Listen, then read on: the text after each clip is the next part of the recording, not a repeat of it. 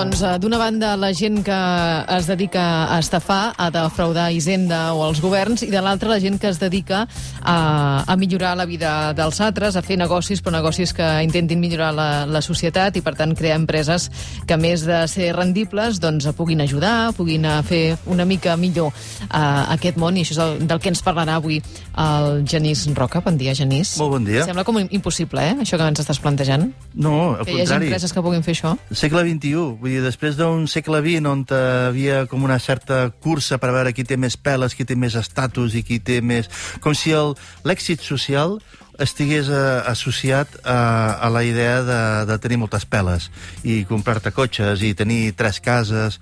Comença a haver-hi una generació nova d'emprenedors, però també d'empresaris i d'empreses grans que consideren que has de donar un retorn a la societat i que l'objectiu veritable d'un negoci hauria de ser millorar el món i perquè això pugui ser sostenible han de guanyar cèntims. Vull dir que no, o sigui, són empreses que volen guanyar cèntims i volen fer una contribució social. Eh, no és una, només una ONG. Són empreses, volen guanyar peles i tenen objectius socials. I ves per on, podria ser podria ser, i avui portem una protagonista A veure... que ens demostrarà que això està passant, que està passant a casa nostra, que és un moviment eh, i que mou milers de persones i comença a moure molta pasta i comença a ser una manera de fer les coses i ens ho explicarà la Clara Navarro. Clara Navarro, cofundadora i codirectora general de la Fundació Ship2Be, que es dedica a accelerar startups de l'impacte social. El 2019 va guanyar el Premi de la Fundació Internacional de la Dona Emprenedora a l'Emprenedoria Social i actualment és membre de la Junta Directiva de l'Associació Espanyola de Fundacions i de la Comissió Executiva de Barcelona Global. Havia estat investigadora de l'Institut d'Innovació Social de Sade, guest lecturer de la Universitat Bocconi d'Itàlia i de la Cosi University d'Istanbul, i també analista de negoci a la consultoria McKinsey. És llicenciada per ESADE i té estudis a la London School of Economics, a la Universitat de Califòrnia a Los Angeles, a la Universitat de Potsdam i a Harvard. Clara Navarro, bon dia. Hola, bon dia. Benvinguda al Matí de Catalunya Ràdio. El primer de tot que, que et voldria demanar és què és una startup d'impacte social? Explica'ns-ho. És una molt bona pregunta. Doncs mira, per començar, el concepte de startup, que el sentim a dir tant avui en dia, al final és una empresa de nova creació, normalment de base tecnològica, però no té per què, um, i que aporta una innovació. Per tant, té un model de negoci que no està provat. I com que no està provat, això té unes característiques doncs, particulars de com s'ha de gestionar la primera etapa d'aquesta empresa. No? no és el mateix que si jo vull obrir doncs, diguem, una fruiteria de la cantonada o un restaurant eh, italià, no? que ja està molt estudiat com ha de ser el model de negoci, com que aquestes empreses són novedoses, doncs no, no sabem tant, eh, hi ha aquest component d'innovació. I d'impacte social per què? Perquè són empreses que, com deia el Genís abans, no neixen amb la voluntat simplement de guanyar diners, sinó que neixen amb un propòsit de millorar un problema de la societat i de fer-ho d'una manera que guanyin diners. Encara que sigui a petita escala, eh? Encara que sigui a petita escala, però normalment eh, amb aquesta voluntat de créixer, no? Si volem resoldre un problema social, aquests problemes, malauradament, solen ser molt grans i molt sistèmics i, per tant, la voluntat de créixer ha de ser intrínseca al, al projecte, no? Posa'ns algun, algun exemple d'alguna startup que estigui funcionant i que tingui aquest impacte social. Doncs mira, en tenim moltíssimes i de molt diverses segons la problemàtica, no? Però, per exemple, en el tema mediambiental hi ha una startup que hem acompanyat des de fa molts anys que es diu Silvestris, són enginyers forestals i ells el que fan és que tenen una tècnica molt particular per reforestar boscos cremats. El que ells fan és que planten unes llavors pretractades en un laboratori i, per tant, com que no cal ser forçut per plantar llavors, doncs poden donar feina a persones amb discapacitat, a persones amb risc d'exclusió. Per tant, és una empresa, en aquest cas, que té un impacte mediambiental positiu i també social i rendible. La Clara eh, treballa, és una de les cofundadores i codirectora d'una fundació que es diu Ship2Be, que es dediquen a que si tu ets una de les- aquestes persones que té una idea, que creu que pot ajudar a la, a la societat i que no vols que, que regalin els cèntims, sinó que tens una, un model de negoci que creus que pot ser sostenible, ells t'ajuden a, a, a, a polir la idea, a desenvolupar-la, a posar-te en contacte amb els inversors i a, a, i a, i a tirar endavant. És com és com un espai de, de una acceleradora, diuen, no? Eh, és un espai on te pots anar allà amb la teva idea i tirar endavant. El que els interessa és que la idea, si tu podries tenir una idea per arreglar un barri, uh, i, i un problema social que tens en un barri o en una zona. A ells el que els interessa és que si aquesta idea funcionés, sigui una idea que es pugui traslladar a altres territoris i a altres zones, i per això parlen d'impacte. Correcte. Perquè si fos un projecte que, que resol problemes d'una comunitat molt concreta, doncs està molt bé, però a vosaltres el que us interessa és descobrir una manera de fer o una idea que després es pugui escalar. També va al revés, no? Entenc que a vegades detecteu idees que han funcionat en altres països i en altres contextes i que algú coneixedor d'aquella experiència creu que això és traslladable aquí i vol impulsar-ho aquí. Correcte, sí, sí, és També, així. també, també en tenim d'aquests. Llavors, el, el, uh, si jo tingués una idea i et vingués a veure tu i et digués, mira, Clara, que he pensat que amb la Laura farem un no sé quantos i aquí i allà, quin és el, el, el procés? Totes les idees són bones? Uh, uh, uh, com, com es fa el garbeig, el, el garbell? Perquè mm -hmm. no, a priori tothom està convençudíssim de la seva idea. Sí, Mira, les idees, eh, malauradament, i això és políticament incorrecte dir-ho, però no tenen gaire valor. El que té valor és que hi hagi un equip amb capacitat d'execució d'aquella idea. Per tant, nosaltres no acompanyem gent que estigui en una fase molt inicial d'idea, et podem donar doncs, eh, algun feedback sobre aquesta idea, però el que busquem és gent que ja s'hagi posat a caminar i a implementar aquesta idea. Per tant, els projectes ens arriben ja amb una etapa doncs, de projecte que en funció del sector pot ser més inicial o menys, però, per exemple, si estem parlant d'alguna idea que implica una tecnologia, doncs ha d'haver-hi ja, per exemple, un primer desenvolupament, un primer prototip d'aquesta tecnologia que faci pinta de que podrà funcionar. No pot ser, per dir-ho d'alguna manera, una presentació de PowerPoint, no? Per fer-se una idea, per, per, per, per traslladar la idea de volum, vosaltres fins ara heu, heu acompanyat 150, 160, 170 projectes d'aquest tipus i els hi heu aconseguit localitzar fins a 65 milions d'euros en total per poder tirar endavant la seva De, idea de finançament. de finançament. Sí, no, no, no tots els hem aconseguit nosaltres, alguns els, aconse els aconsegueixen ells sols, però amb els consells que nosaltres els hi donem de com buscar i com preparar-se, efectivament. Llavors, eh, s'ha parlat molt sobre l'ecosistema emprenedor de Barcelona. Uh -huh. Es parla de, de coses valuoses que tenim a casa, com això del Barcelona Tech City, i s'ha- se parla molt d'emprenedoria en base tecnològica, models de negoci, que si Globo va néixer a Barcelona, que si no sé quan... Es parla sempre... De, eh, els exemples són aquests. Eh, vosaltres, amb aquests projectes d'impacte social, amb aquest mateix ecosistema emprenedor, eh, eh, Barcelona també és rellevant amb aquests paràmetres? Sou una anècdota? Sou mm, petits en dimensió espanyola, grans en dimensió europea, rellevants mundialment? Ajuda'ns a entendre el volum. On estem nosaltres com a país amb, amb, amb aquests temes?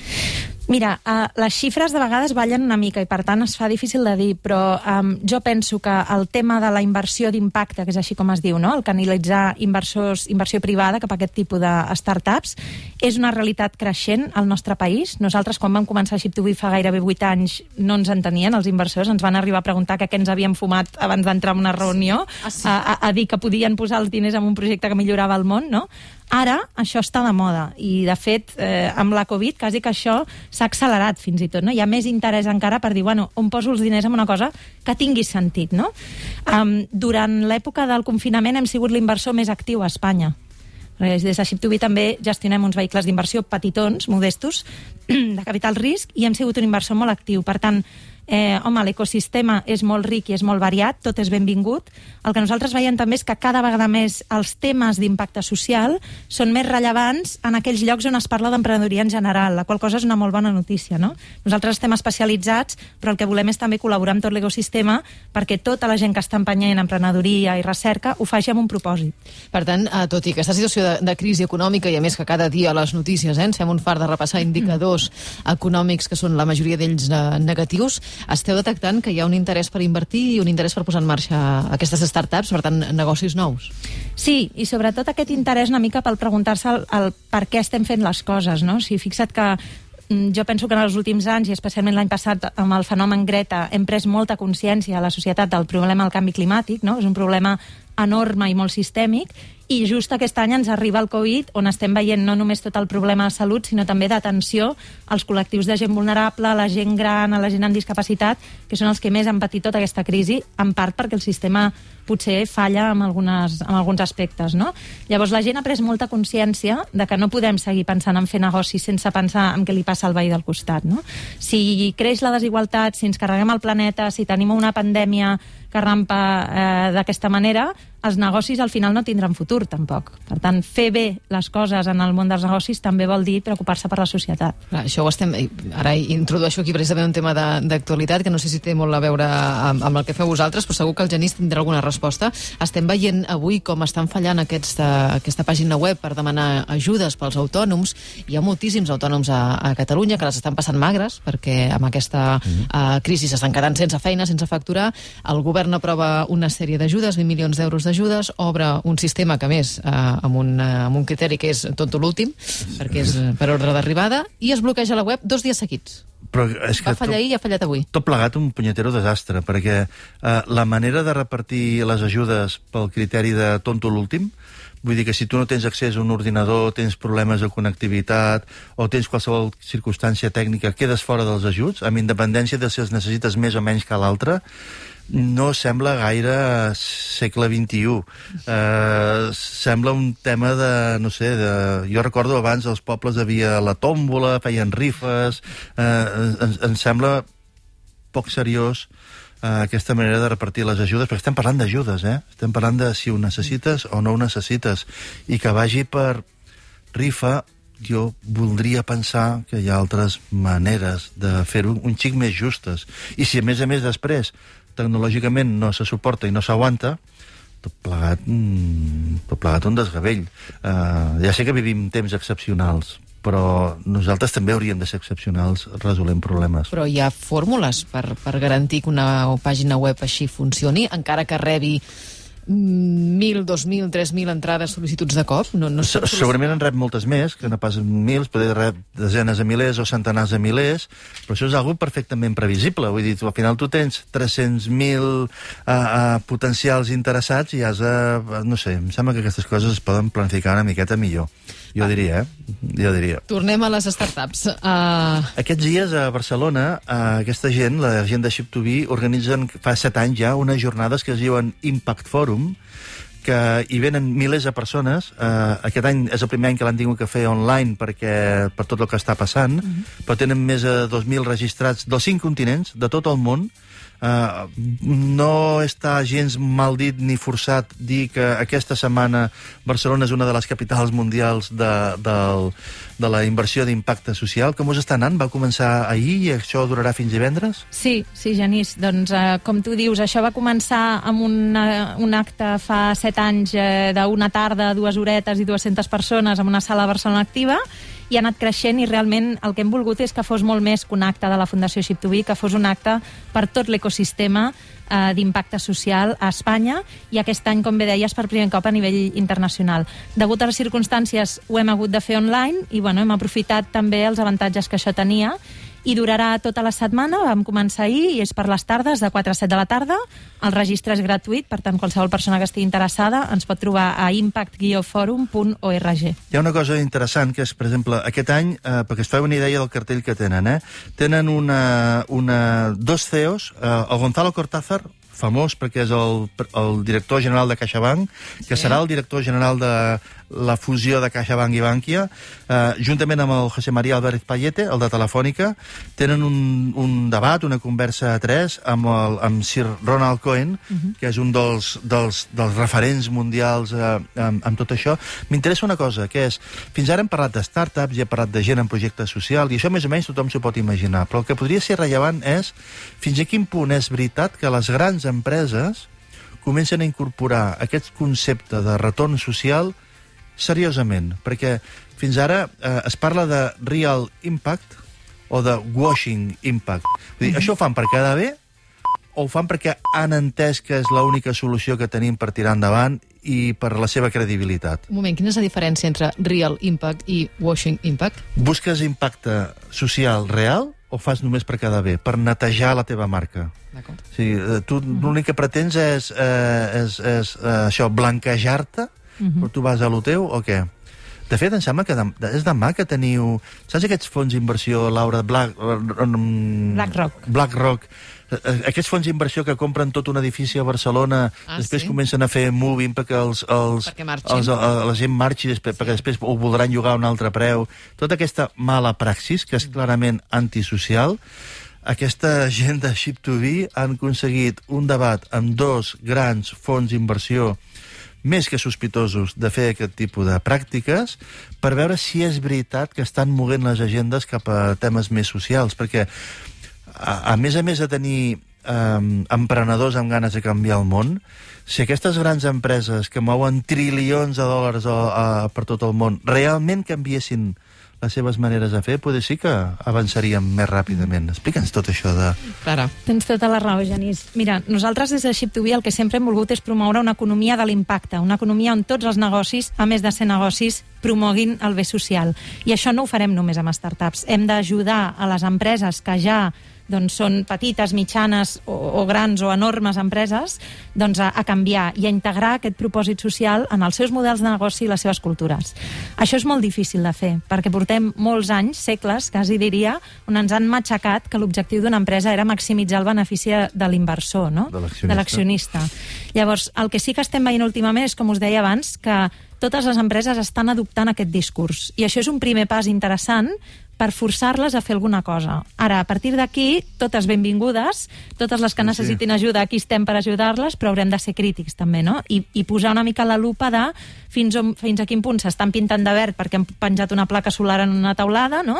O fins a quin punt, de debò, s'estan qüestionant els seus models de negoci, les seves praxis, la manera com prenen decisions estratègiques de negoci, com es plantegen el futur del seu negoci. Ets optimista?